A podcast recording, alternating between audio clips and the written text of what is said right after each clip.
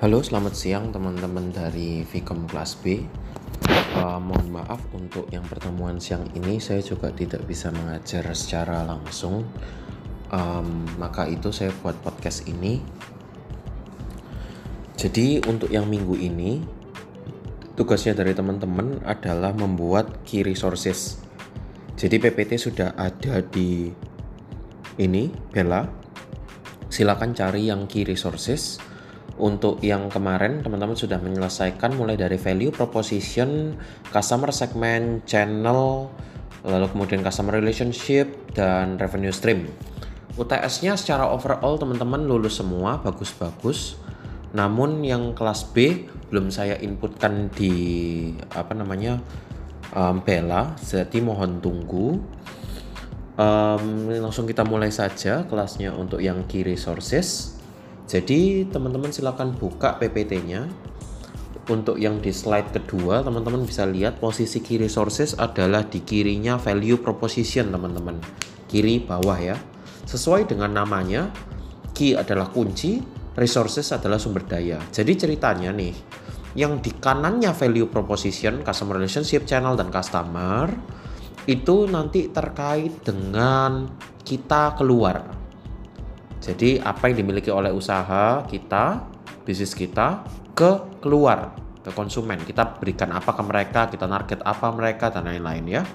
Sementara yang di kiri yaitu tiga kunci itu key resources, key activities dan key partnership itu ke dalam kita nanti kayak gimana uh, dengan usahanya kita sendiri kita yang yang kita punyai apa gitu ya nah kita mulai dari yang key resources dulu Key resources didefinisikan sebagai sekumpulan aset-aset teman-teman yang dimiliki oleh teman-teman yang mana itu fundamental atau penting banget di mana itu kalau teman-teman tidak miliki bakalan kesulitan teman-teman untuk menyajikan value yang sudah ditanamkan di tengah-tengah itu.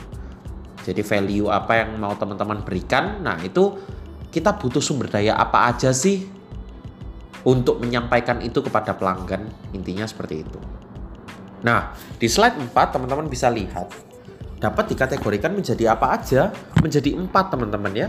Empat variabel key resources. Sebenarnya bisa lebih tergantung dari teman-teman sendiri. Pak, saya kok merasa bahwa um, saya butuh selain ini ya, selain SDM, selain keuangan, terus kemudian selain sumber daya fisik dan sumber daya intelektual. Saya kok kayaknya butuh sumber daya yang lain ya, Pak ya Misalnya saya butuh sumber daya berupa um, website kayak gitu ya. Nah itu mungkin kesulitan untuk dikategorikan sebagai intelektual atau sebagai um, human. Nah teman-teman boleh silakan masukkan di situ. Kalau memang teman-teman jualannya adalah menggunakan website. Tapi kalau tidak menggunakan website dan itu bukan menjadi core-nya, bukan menjadi resource intinya, tidak perlu ditulis di sini. Jadi sesuai dengan namanya key ya. Jadi tanpa key ini teman-teman nggak bisa. Tapi kalau tanpa key ini teman-teman bisa, berarti itu bukan menjadi key, itu hanya sebagai resource tambahan saja. Seperti itu ya. Nah, um, dikategorikan menjadi empat itu, mari kita coba lihat satu-satu tipe-tipe dari key resources di slide ke-6. Namun sebelum itu teman-teman bisa lihat di slide kelima sumber daya kunci bagi uh, wirausaha itu tujuannya apa sih kok kita perlu identifikasi itu ya? Uh, tujuannya adalah untuk memberikan teman-teman um, wawasan yang jelas, ya, ide-ide yang clear ya tentang apa? Tentang final produknya atau jasanya teman-teman. Apa hasil akhirnya produk akhirnya atau jasa yang teman-teman berikan yang dibutuhkan oleh perusahaan. Oke. Okay? Jadi agar teman-teman bisa mengoreksi. Ada sumber daya yang kebanyakan perusahaan tidak identifikasi dengan baik, teman-teman. Sehingga apa? Sehingga mereka salah dalam memilihnya. Mereka menghabiskan uang untuk membeli sumber daya yang tidak terpakai atau tidak memberikan nilai tambah kepada pelanggan. Nah, ini repot ya kayak gini ya pelanggannya butuh A, pelanggannya butuh cepat ketimbang kualitas, dia mengutamakan kualitas ketimbang kecepatan. Begitu pula sebaliknya. kualitas dia um, butuhkan, namun kecepatan dia abaikan. Nah, kayak gitu ya. Segitiganya teman-teman, kalau misalnya kita ngomong di dalam bisnis, teman-teman boleh ingat bahwa ada yang bagus ya toh. Kita ngomong kualitas ya. Ada yang cepat ya kan. Sama ada yang murah. Gitu ya. Nah, ini nggak bisa teman-teman dapetin semuanya. Oke? Karena kebanyakan kalau misalnya yang murah itu teman-teman nggak bisa um, bicara soal kualitas terkadang ya. Apalagi kalau teman-teman berusaha untuk menyajikan sudah murah, toh, barangnya bagus toh, cepat lagi pelayanannya. Nah itu sudah nggak bisa ya teman-teman ya. Minimal teman-teman menguasai satu atau dua dari tiga itu. Oke. Nah selain itu teman-teman bisa cost saving, lalu kemudian um, final listnya resourcesnya uh, tersedia gitu ya. Jadi teman-teman bisa benar-benar menyediakan apa yang dibutuhkan untuk sustainability, untuk keberlanjutan bisnisnya teman-teman. Seperti itu.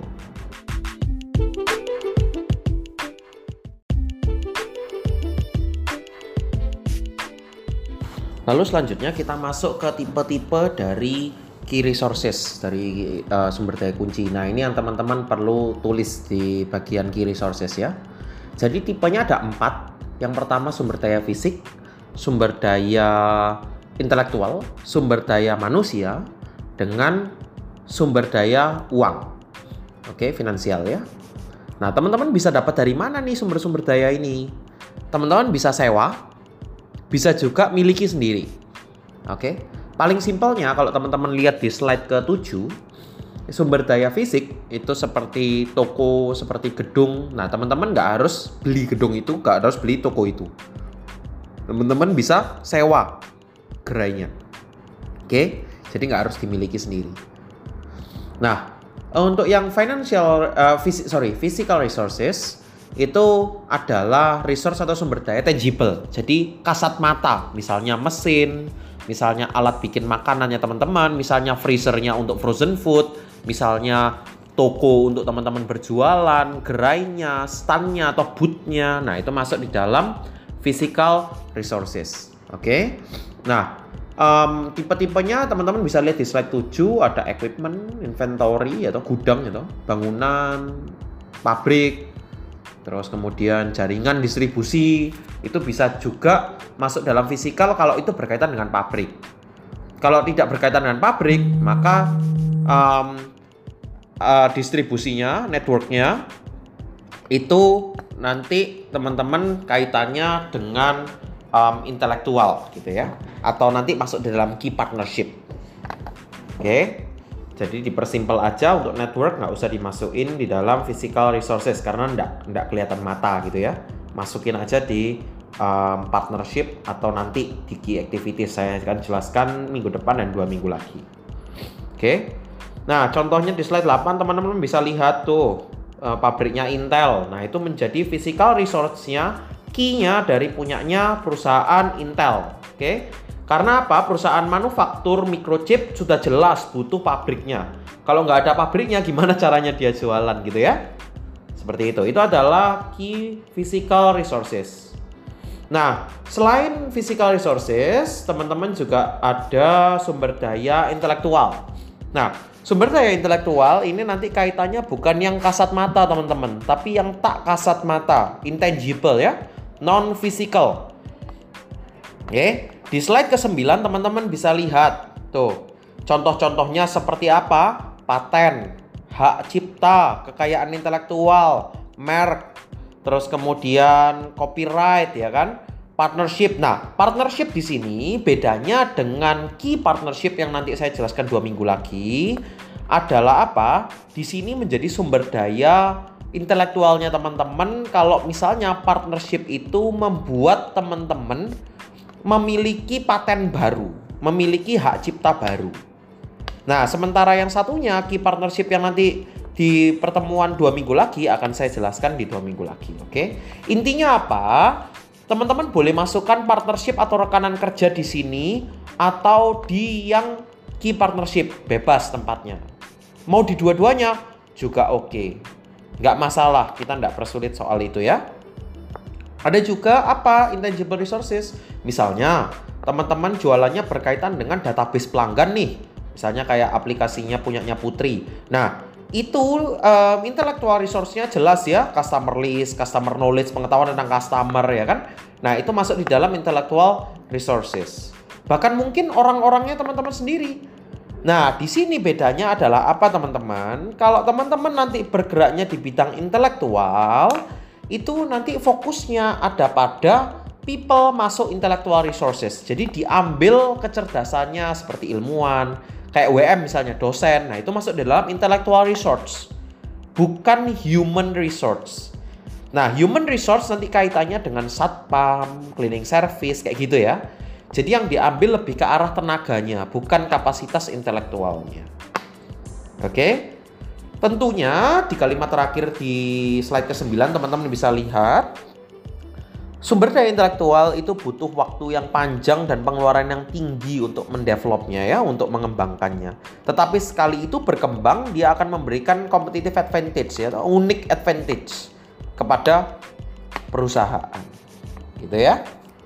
Contohnya seperti naik Sony, Microsoft, Adobe Nah, kayak gitu-gitu ya. Itu benar-benar mengandalkan brand atau um, mereknya mereka saat menyasar segmen pasarnya. Jadi kualitas mungkin menurut mereka hanya marketing gimmick aja gitu loh. Terus kemudian ada Google sama Nortel, teman-teman bisa lihat sendiri kisahnya di slide ke-11, ada juga Apple ya kan. Nah, ini mereka mengandalkan patennya. Jadi misalnya teman-teman, tuh barusan keluar iPhone 12 mini sama iPhone 12 Pro Max kalau nggak salah barusan um, launching ya um, bulan ini. Yang bulan lalu yang varian yang lain saya lupa itu.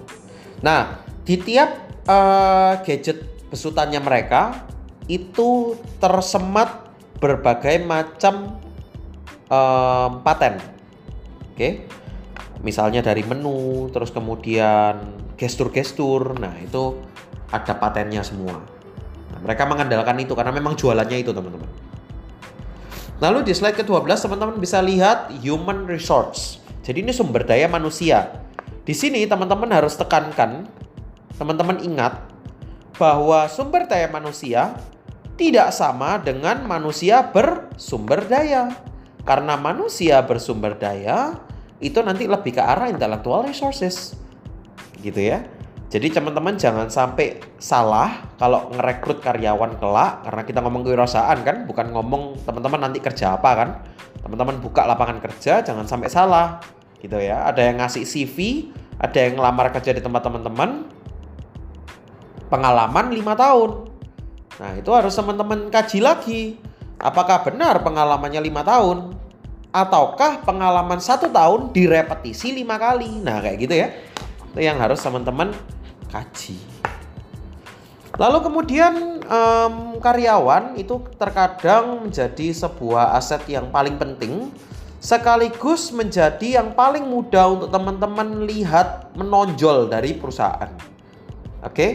Wah, orang ini api kerjane gitu ya. Orang ini bagus kerjanya. Orang ini dapat menghasilkan uang yang banyak buat kita. Nah, kayak gitu-gitu ya. Nah, itu terkadang mudah sekali untuk dilihat dalam suatu perusahaan. Oke. Nah, secara spesifik bagi perusahaan di dalam industri jasa itu human resource sangat diandalkan di sini ya. Karena dia adalah ujung tombak perusahaan gitu ya. Di dalamnya ada kreativitas, ada knowledge pool, pengetahuan tentang uh, eh sorry, apa uh, kumpulan dari pengetahuan-pengetahuan dan sumber daya sendiri. Misalnya kayak CS, software engineer atau scientist. Nah, itu juga masuk di dalam human resource. Tetapi intelektual juga bisa masuk di situ kalau memang itu intens digunakan. Tapi kalau itu tidak intens bisa masuk human resource. Teman-teman jangan bingung ya, nggak ada salah benar di sini kalau misalnya teman-teman mau masukin human resource atau intellectual resource. Oke? Okay? Both of them pasti teman-teman punya basicnya sendiri-sendiri untuk menentukan itu. Oke? Okay? Satu hal terkait dengan pengetahuan teman-teman, teman-teman perlu ingat ada yang namanya tacit knowledge. T A C I T. Ya kan? Tacit knowledge atau pengetahuan yang um, sulit untuk ditransfer, teman-teman. Jadi tacit knowledge ini adalah pengetahuan yang sulit dipindahkan ke atau ditransfer knowledge kepada orang lain. Misal, misal nih, chef ya. Ada chef ngajarin masak ke uh, muridnya misalnya gitu ya. Nah, mungkin bumbu apa segala macam itu sama, timing sama, tapi rasa atau output keluaran makanannya bisa jadi berbeda. Sama seperti teman-teman belajar atau les piano, les biola, les gitar gitu ya, alat musik ya. Nah, itu outputnya juga bisa jadi berbeda teman-teman. Walaupun gurunya sama. Gitu ya. Misalnya ada guru les yang ngajarin um, Putri, lalu kemudian ada guru les yang ngajarin um, Patris, ada guru les yang ngajarin um, Ketrik, ada juga yang mungkin ngajarin uh, siapa namanya Putu Ayu Deamai gitu ya. Nah, masing-masing mereka gurunya satu, ngajarinnya sama-sama anggaplah piano gitu ya. Nah, hasilnya atau outputnya itu bisa jadi beda-beda semua. Padahal gurunya sama, materinya sama. Nggak usah jauh-jauh. Saya ngajar kayak gini, nangkepnya teman-teman itu bisa jadi berbeda semua loh. Gitu ya. Nah, itu masuk di dalam tacit knowledge. Oke, pengetahuan yang uh, sulit ditransfer. Nah, ini yang membuat seseorang di hire dengan harga atau gaji yang tinggi. Oke. Di slide ke-13 teman-teman bisa lihat tuh ada contohnya FedEx. Jadi drivernya atau Gojek ya. Drivernya itu adalah apa? Orang-orang yang mengantar gitu ya. Truk drivernya atau kemudian yang lain-lain. Nah, itu ada uh, masuk di dalam um, ini apa human resource-nya ya, sumber dayanya. Mereka tidak penting, mereka tidak urgent di situ, mereka tidak menjadi main atau yang utama karena mereka tidak menggunakan intelektual. Um, maksudnya apa? Main produknya dari Gojek atau FedEx itu kan uh, kurir antar toh, sehingga kalau misalnya mereka lagi mengantar itu uh, tidak menggunakan intellectual resourcesnya. Mereka tidak jualan intelektual seperti misalnya WM. WM juga punya kurir gitu ya. Tapi itu bukan menjadi intellectual resource. Sementara dosennya yang menjadi intellectual resource. Gitu ya. Nah, FedEx atau Gojek juga sama. Yang menjadi intellectual resource-nya mereka adalah orang yang bikin jaringan distribusinya. Gitu ya. Mereka bukan SDM, tapi mereka SDM dengan intellectual resource. Sementara truk drivernya atau kurirnya WM atau cleaning service-nya WM itu masuk human resource. Dosennya masuk intellectual resource. Gitu ya beta ini ya. Lalu kemudian Novartis gitu ya, UBS gitu juga teman-teman bisa lihat di situ. Dan yang terakhir adalah financial resource. Nah, sumber daya finansial di sini teman-teman yang perlu teman-teman tahu adalah setiap kalian pasti butuh duit. Oke. Okay? Nah, teman-teman butuh duit bukan berarti teman-teman masukin semua di situ uang ya, finance ya, ke dalam financial resources, ke dalam sumber daya finansial kategorinya di situ ya. Hanya untuk perusahaan-perusahaan seperti asuransi atau mungkin perbankan, bank gitu ya, di mana memang jualannya adalah jualan jasa keuangan, maka itu menjadi key resources. Oke, karena teman-teman sejatinya tanpa uang tunai yang banyak, teman-teman juga bisa jualan. Asalkan ada bootnya, ada asalkan ada uh, bahan bakunya. Nah, itu masuk di dalam financial resources. Eh, itu masuk di dalam physical resources, sumber daya fisik gitu ya. Nah, um, bedanya adalah di sini kalau misalnya financial resources itu sumber daya seperti cashnya, lini kreditnya, kemampuan teman-teman untuk uh, option apa uh, memilih uh, model investasinya, terus kemudian plan untuk karyawannya. Nah, itu benar-benar menjadi core-nya teman-teman, gitu ya. Nah, beberapa bisnis memiliki kemampuan finansial yang lebih baik yang memang justru itu menjadi key pointnya dia untuk jualan teman-teman. Misalnya bank tadi ya, misalnya perusahaan asuransi gitu ya. Karena mereka jualannya adalah jualan jasa keuangan, proteksi keuangan, ngembangin uang dan lain sebagainya gitu ya. Nah, di page 16 uh, ah, sorry di slide 16 dan di slide 17 teman-teman bisa lihat itu ada contohnya. Jadi sebuah pabrik mobil itu memiliki physical resource yaitu um, assembly robotnya ya. Jadi uh, apa mesin-mesin untuk bikin uh, apa namanya merakit mobilnya, gitu ya. Nah, sementara intellectual propertinya misalnya paten dari mesinnya, terus kemudian customer intelligence tentang apa preferensi pelanggannya gitu ya. Lalu kemudian ada juga desainer, desainernya sebagai human resource-nya.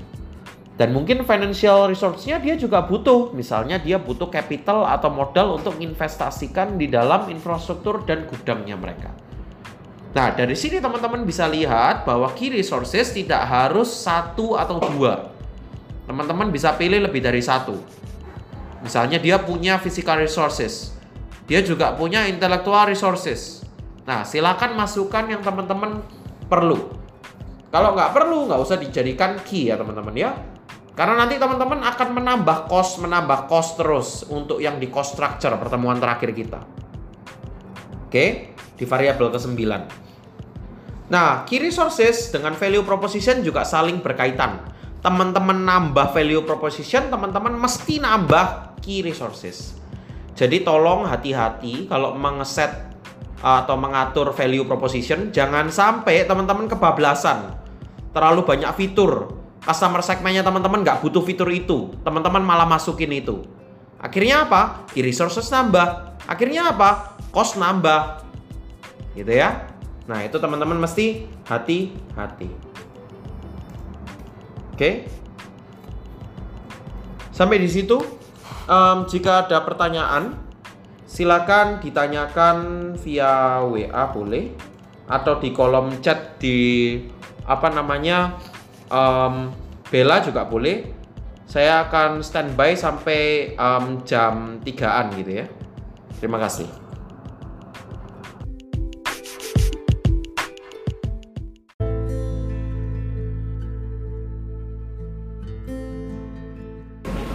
Halo semua, selamat pagi, selamat siang Semua mahasiswa Fakultas Ilmu Komunikasi kembali lagi untuk yang ini adalah materi tentang channel teman-teman.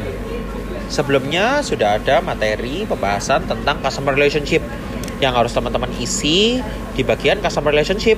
Entah pakai personal assistance, entah pakai apa, terserah teman-teman tentukan. Berikut juga cara teman-teman untuk bangun hubungan customer relationship menggunakan mungkin media sosial. Di situ kan belum ada media sosial teman-teman. Jadi teman-teman bisa masukin di situ sosial media sebagai sarana untuk teman-teman membangun hubungan dengan pelanggan. Bisa juga lewat WA. Silahkan ditulis di dalam kolom customer relationship. Nah, di bawahnya ada channel. Channel atau media beda ya sama channel ya. Channel C H A N E L. Channels ini media teman-teman posisinya di antaranya value proposition dan customer segment, di bawahnya customer relationship, di atasnya revenue stream. Channel dapat didefinisikan sebagai medium atau tempat atau perantara teman-teman. Di mana teman-teman dodolan jualan. Bahasa lebih lengkapnya di mana teman-teman menyediakan value proposition kepada segmen pelanggan singkat kata channel adalah tempat teman-teman jualan. Selama ini teman-teman mungkin mendefinisikan oh tempat dodolan ya di toko pak. Leka ya online pak. Tidak semudah itu teman-teman. Jadi tempat untuk jualan atau channel itu dipilih sama teman-teman bisa dilihat di slide ke-22 di uh, eh, PPT yang sama itu dipilih berdasarkan dua teman-teman yang paling efektif dan yang paling efisien. Masih ingat kan pertemuan pertama atau pertemuan kedua saya pernah bahas apa? Ayo bedanya efektif dan efisien. Efektif artinya teman-teman cepat untuk mencapai tujuan. Efisien artinya teman-teman hemat untuk mencapai tujuan. Misalnya teman-teman lagi kuliah di WM di Noyo, teman-teman mau ke TP. Teman-teman efektif kalau ke TP naik heli helikopter. Jelas, efektif banget. Dua menit nyampe. Tapi teman-teman akan efek efisien kalau ketepin jalan lagi. Karena apa? Literally nggak keluar duit. Terlalu efektif akan boros, terlalu efisien akan boring. Nggak nyampe-nyampe, nggak selesai-selesai gara-gara teman-teman pelit. Jadi caranya gimana dong Pak? Biar nggak terlalu efektif juga nggak terlalu efisien. Titik tengahnya namanya opti optimal teman-teman. Jadi diupayakan jangan terlalu efektif juga jangan terlalu efisien. Efektif dan efisien nanti jadi optimal. Teman-teman milih channel juga kayak gitu. Bisa dipilih berdasarkan yang paling cepat. Kalau yang paling cepat berarti efektif. Bisa dipilih yang paling efisien, yang paling hemat. Dengan jumlah investasi yang dibutuhkan paling kecil. Jangan alergi sama bahasa Inggris loh ya teman-teman. Secara garis besar ada dua tipe channel teman-teman. Oke. Tipe yang pertama adalah langsung direct teman-teman. Tipe yang kedua adalah indirect indirect. Jangan bikin malu ya teman-teman ya. Karena di semester-semester atas ada yang ngomong indirect itu indirect, bikin malu teman-teman. Tahu nggak? Oke direct dan indirect. Kalau yang direct itu adalah company own channel. Jadi teman-teman berdasarkan yang dimiliki teman-teman sendiri. Seperti contohnya teman-teman punya toko sendiri, buka toko di depan rumah, literally di depan rumah, sewa ya kan atau mungkin rumahnya teman-teman jadi toko ya kan. Itu adalah direct channel. Ada juga yang indirect, misalnya teman-teman nitip. Istilah kerennya konsinyasi teman-teman tahu Bilka teman-teman tahu Indomaret mungkin teman-teman nitip barangnya teman-teman untuk dijual di situ nah itu masuk ke dalam ranah indirect Loh pak, gimana kalau misalnya aku jualan online pak? Barangku tak jual di Tokopedia Di Bukalapak Lazada, Shopee pak, Shopee misalnya ya Ayo masuk yang mana? Masuk yang in direct. Karena apa? Itu bukan tempatnya teman-teman jualan, itu literally tempatnya Shopee, tempatnya Tokopedia.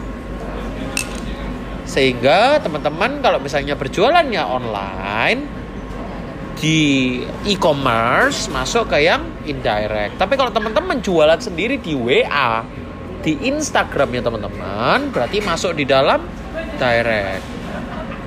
Loh bedanya apa pak? Kalau yang channel tak masukin sosial media, yang customer relationship juga tak masukin sosial media sesuai dengan namanya teman-teman. Kalau customer relationship berarti teman-teman membangun relasi menggunakan sosial media. Jadi Instagramnya teman-teman diisi dengan testimoni, Instagramnya teman-teman diisi dengan promosi-promosi, foto-foto yang bikin orang-orang mau beli produknya teman-teman. Bikin mereka keep in touch dengan teman-teman. Itulah ceritanya sama seperti Sprite teman-teman. Sprite sama Coca-Cola sudah beratus-ratus tahun yang lalu berdiri. Tapi kenapa kok sampai sekarang masih ngiklan? Untoh dia nggak ngiklan aja laku. Untuk apa? Untuk customer relationship. Biar pelanggan tahu bahwa Coca-Cola ini lo ono masih ada ya. Kayak gitu teman-teman. Teman-teman bisa pilih salah satu atau dua-duanya, terserah mau direct mau indirect, up to you. Oke. Okay? Nah, sementara yang di channel teman-teman masukin sosial media, berarti teman-teman jualan di sosial media. Transaksi terjadi di WhatsApp, berarti teman-teman menggunakan sosial media. Transaksi terjadi di Instagram, berarti sosial media. Jadi bisa diisi dua-duanya teman-teman. Oke. Nah, beberapa contoh dari direct teman-teman yang langsung ya, itu bisa lewat personal selling, jualan sendiri langsung. Bisa lewat internet, bisa melihat telepon, email ya, WA ya. Itu direct distribution. Sedangkan yang indirect yang tidak langsung teman-teman bisa pakai retail retailer. Titip di mana? Titip di Bilka kek, titip di toko kelontong kek, titip di kantin WM kek dan seterusnya ya. Nah itu adalah jalur indirect, tidak langsung. Teman-teman nggak berjualan langsung ya, atau agen. Teman-teman bikin agen atau broker, makelar ya, atau distributor, penada kayak gitu-gitu teman-teman. Intinya bukan teman-teman yang dapat uang langsung dari pelanggan. Jadi lewat perantara. Loh Pak, aku mau tanya Pak, kalau dropshipper ya apa ya Pak ya? Kalau reseller ya apa ya? Ayo. Kalau reseller atau dropshipper bukan dari teman-teman sendiri, tetapi uangnya masuk ke siapa? Ke teman-teman kan langsung. Kalau teman-teman langsung dapat uangnya masuk ke yang direct. Kalau teman-teman nggak dapat uangnya langsung tapi ke perantara, apa pun itu bentuknya dropshipper, retailer, whatever itulah, what the hell lah. Itu masuk ke yang indirect. Oke. Sampai di sini jika ada pertanyaan silakan ditulis di forum teman-teman. Akhir kata, terima kasih untuk tugasnya. Silakan teman-teman kerjakan customer relationship dengan channel dan kumpulkan di dalam forum seperti yang deadline hari Sabtu tanggal 3 Oktober. Oke, okay? untuk yang um, value proposition dan customer segment. Nah, deadline-nya untuk yang customer relationship dan channel minggu depan. Jadi literally hari um, minggu sebelum kelas yang Senin, hari Senin sebelum kelas yang Selasa. Oke. Okay? Terima kasih teman-teman semua.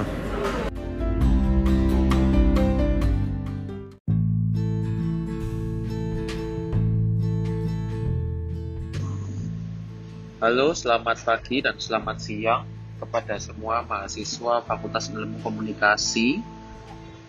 Pada kesempatan hari ini, saya meminta maaf karena tidak bisa mengajar secara langsung dikarenakan saya sedang mengikuti pelatihan dosen sehingga ini sekaligus kesempatan pertama saya untuk membuat podcast. Jadi pada kesempatan kali ini saya akan membahas tentang customer relationship dan channel. Customer relationship dan channel terletak di antara posisi value proposition dan customer segment. Sebelum kita mulai, ada baiknya kita tahu masing-masing esensi dari customer relationship, hubungan dengan pelanggan, dan juga channel atau media tempat teman-teman berjualan kepada pelanggan. Tanpa menunggu waktu lama lagi, kita mulai dari yang customer segment terlebih dahulu. Segmen pelanggan atau customer segment dapat didefinisikan sebagai bentuk dari hubungan antara teman-teman dengan segmen pelanggannya teman-teman.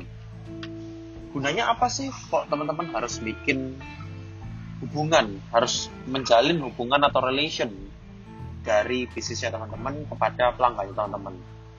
Secara garis besar dapat dikatakan ada dua teman-teman yang pertama adalah menciptakan kesuksesan finansial, jelas ya. Happy customer, dia pasti akan nggak ragu untuk nge-refer ke tempat lain. Misalnya teman-teman sudah cocok di Tokyo Bell, uh, Laser Arbit, lalu kemudian teman-teman akan refer ke yang lain lagi, ke yang lain lagi, otomatis tanpa diminta. Tetapi begitu teman-teman kecewa dengan fasilitasnya Tokyo Bell, teman-teman akan ngomong ke yang lain-lain bahwa nggak usah di situ, nggak guna, dan seterusnya dan sebagainya ya. Sehingga itu akan sangat berkaitan teman-teman. Sedangkan happy customer itu kira-kira dapat dikatakan mereka akan nge-refer ke yang lainnya yang bagus-bagus. Dan mereka nggak jarang untuk datang kembali ke tempatnya teman-teman untuk apa? Untuk repeat order, untuk datang lagi. Mereka nggak segan. Oke? Okay? nggak jarang juga usaha-usaha yang lupa menjalin atau tidak mau menjalin hubungan dengan pelanggan. Dia maunya jual putus jual putus. Sudah selesai. Dia nggak ada keinginan untuk menjalin hubungan baik dengan pelanggan. Nah dengan demikian mereka lupa untuk menciptakan sebuah yang namanya sustainability atau keberlanjutan keberlangsungan. Sehingga mereka awalnya memang mereka bisa dapat uang tapi lama kelamaan pelanggan kan nggak cocok. Wis sudah uh, istilah bahasa Jawanya sepisan naik sekali aja wis tapok cukup tahu aja gitu ya. Karena mereka lupa membangun hubungan dengan pelanggan. Mereka merasa nggak nyaman. Dan kalau misalnya teman-teman tahu luar biasanya adalah ada suatu perusahaan yang baik banget menjalin hubungan dengan pelanggan meskipun produknya apa semua. Jadi produknya tidak terlalu bagus. B aja masih banyak yang lebih bagus lebih murah Tetapi pelanggan lebih milih ke tempat itu. Karena apa? Baik banget pelayanannya. Sudah cocok banget, sudah klik. Bahkan tiap kali dia datang, hafal namanya teman-teman. Kayak contohnya saya baru saja ke Starbucks, saya literally lupa dengan nama baristanya ini. Mbak baristanya ini saya lupa. Saya menyapa sesuai dengan name tag-nya, dia bahkan nggak nanyain saya namanya saya siapa. Biasanya kan kalau misalnya pesen kan ada uh, nulis nama. Ini mereka nggak nggak nanyain nama saya. Langsung dipanggil um, dengan ko Aldo ya. Oh saya kaget toh. Saya sudah lama sekali nggak ketemu barista ini. Loh, kok barista ini bisa tahu ya? Bisa ingat ya? Nah dari sini saya jadi appreciate banget gitu loh. Kok bisanya dia ingat gitu loh? Padahal saya sudah lama banget nggak ke situ gitu karena memang mungkin dulunya saya sering ke situ tapi dengan saya dikenali namanya dan dia tidak lupa dengan nama saya, saya terapresiasi gitu loh. Seperti itu teman-teman. Itu adalah gunanya berhubungan dengan pelanggan, mencetak hubungan dengan pelanggan. Di sisi lain ada tiga motivasi utama kok teman-teman harus bikin uh, hubungan, menjalin hubungan dengan pelanggan. Yang pertama bisa dikatakan karena teman-teman mau mengakuisisi pelanggan tersebut. Jelas ya, niatnya mau bikin hubungan misalnya kayak teman-teman um, suka sama lawan jenisnya.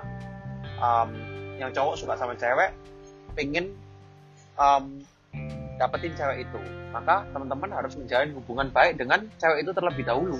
Gak mungkin kan teman-teman bisa nikahin dia kalau misalnya teman-teman nggak ada hubungan baik dengan dia. Musuhan mendadak nikah gitu kan nggak mungkin. Jadi jelas ya di sini ya untuk mengakuisisi atau mendapatkan pelanggan tersebut yang kedua, customer retention. Bikin mereka klik dan balik lagi ke teman-teman.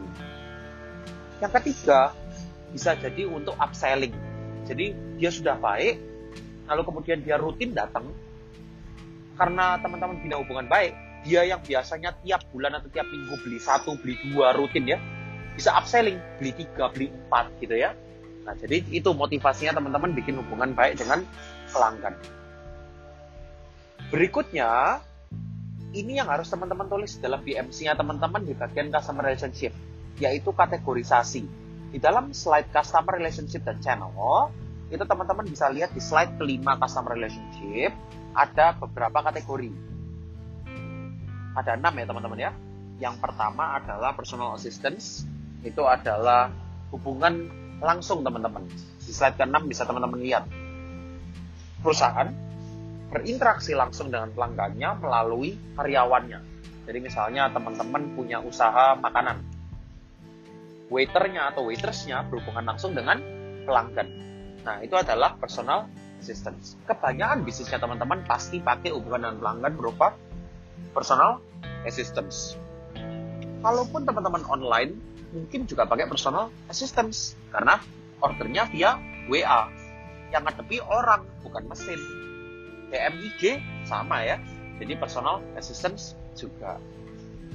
Di sini ada contohnya seperti Hartono dan fakultas saya, kewirausahaan dan tempatnya teman-teman, Fakultas Ilmu Komunikasi. Nah, itu contohnya adalah demikian. Hartono saat teman-teman datang ke Hartono disambut oleh liternya, disambut oleh orang salesnya. Nah, berhubungan langsung kan? Itu pula dengan di universitas teman-teman juga berhubungan langsung dengan pelanggan. Berhubungan langsung dengan saya sebagai dosen atau karyawannya ya personal touch-nya dapat terus kemudian agak terhalang ya karena pandemi covid ini ya tapi tidak menutup um, kita bertemu tatap maya menggunakan um, zoom atau google meet ya seperti itu teman-teman Lalu ada juga yang lebih intens teman-teman, yaitu dedicated personal assistance. Ini sama kayak personal assistance, tapi lebih intens lagi. Misalnya kayak teman-teman waktu nonton dulu XX1 masih buka, itu ada yang namanya XX1 The Premier. Yang tiketnya bisa teman-teman lihat di slide ke-9. Tiketnya premium banget ya teman-teman ya. Harganya satu bangku kalau nggak salah dulu itu 60 sampai 100 ribu tergantung harinya ya ini jadi bikin kangen juga nonton nih gara-gara pandemi ini jadi kita nggak bisa nonton nih teman-teman nah saat teman-teman ke Premier atau teman-teman datang ke priority banking seperti BCA prioritas atau mandiri prioritas teman-teman akan dilayani secara lebih personal oke okay? lebih intens lebih deket ya gitu Ini biasanya produk-produk premium pakai dedicated personal assistant teman-teman. Kebalikannya adalah self service. Self service di sini yang cowok jangan mesum ya. Saya tahu pikirannya kalian. Self service di sini yang dimaksud adalah um, teman-teman dalam bisnisnya membuat pelanggannya teman-teman itu melayani dirinya mereka sendiri Contohnya apa? Saat teman-teman ke Indomaret, saat teman-teman ke Market, ke Gourmet ya. Teman-teman melayani dirinya teman-teman sendiri. Ngambil troli sendiri, nyari-nyari bingung-bingung sendiri, masukin di keranjang sendiri, keluar-keluar suruh ngantri di kasir, bayar sendiri, pulang bawa sendiri. Itu namanya self service. Ke Indomaret juga sama, selamat malam, selamat siang, selamat datang di Indomaret, selamat berbelanja teman-teman literally datang untuk melayani dirinya teman-teman sendiri. Oke, itu adalah self service. Contoh lainnya seperti di slide ke-11 teman-teman bisa lihat itu ada Air Asia. Saat teman-teman di bandara Air Asia itu ada tiket machine. Jadi teman-teman self printing sendiri di situ ya. Teman-teman nggak ketemu orang langsung di situ, nggak ada personal assistance-nya ada juga yang pakai mesin teman-teman, automated service namanya. Nah, kalau mesin, ini misalnya teman-teman telepon 112, telepon darurat, atau telepon ke BCA, uh, layanan Halo BCA, atau teman-teman pesen McD 14045, pasti yang jawab pertama adalah telepon uh, adalah mesinnya ya, mesin menjawab telepon ya, itu adalah automated service. Jadi human touch-nya di situ hampir tidak ada. Lalu kemudian berikutnya adalah komunitas teman-teman. Teman-teman juga bisa berhubungan dan pelanggan menggunakan komunitas.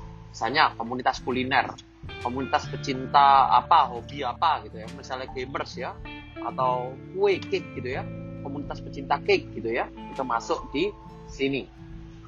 Di era elektronik saat ini menciptakan komunitas dari pelanggan memungkinkan teman-teman untuk berkomunikasi dengan mereka secara langsung. Gimana caranya? Karena mereka langsung keep in touch sama teman-teman, bisa ngomong ngobrol di forum. Kalau ada masalah di forum, teman-teman bisa langsung cepat uh, cepat meresponnya. Seperti itu teman-teman. Contohnya misalnya di slide 15 teman-teman yang suka badminton pasti tahu dengan yang namanya The Legends Vision.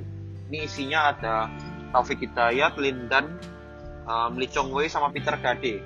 Nah ini adalah brand ambassadornya dari Yonex teman-teman.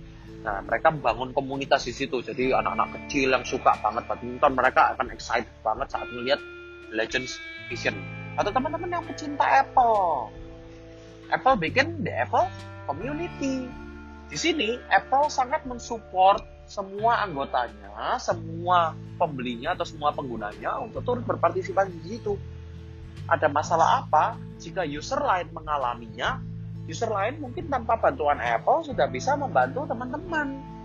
Nah, dengan demikian Apple mendapatkan sangat banyak feedback dari penggunanya, juga dari developer programnya. Seperti itu teman-teman. Yang terakhir adalah co-creation. Co-creation, nama kerennya, berasal dari kooperatif sama creation, penciptaan yang melibatkan kooperasi, yang melibatkan pelanggannya jadi pelanggan diajak dirangkul untuk ikutan membuat sesuatu yang mana terserah mereka. Jadi literally bener-bener custom. Contohnya kayak teman-teman tahu Nike yang bisa desain sendiri, nike.id. Jadi teman-teman mau bikin sepatu solnya warna apa, coating luarnya warna apa, desainnya seperti apa, teman-teman bisa langsung custom custom sendiri. Jadi benar-benar literally cocok dengan apa yang diinginkan oleh teman-teman loh. Nah, itu yang dari Nike ID. Co-creation jadi benar-benar dilibatkan ya. Contohnya, uh, sorry kok Nike ID, Nike Plus teman-teman. Contoh lain yang luar biasa ya, kelihatan banget ya adalah Lego teman-teman. Lego dijual ke teman-teman dalam bentuk brick kecil-kecil. Nggak jelas bentuknya. Tapi teman-teman berkontribusi 100% untuk bikin itu jadi dinosaurus, jadi pesawat, jadi mobil, jadi macam-macam ya. Jadi teman-teman benar dilibatkan untuk membuat produk tersebut gitu. Co-creation kira-kira kayak gitu teman-teman. Oke, sampai di sini sesi pertanyaan silakan kalau misalnya ada yang menanyakan di forum. Nanti saya akan buatkan juga forum di um, minggu kelima ini teman-teman. Ini dulu tentang customer relationship. Terima kasih. thank you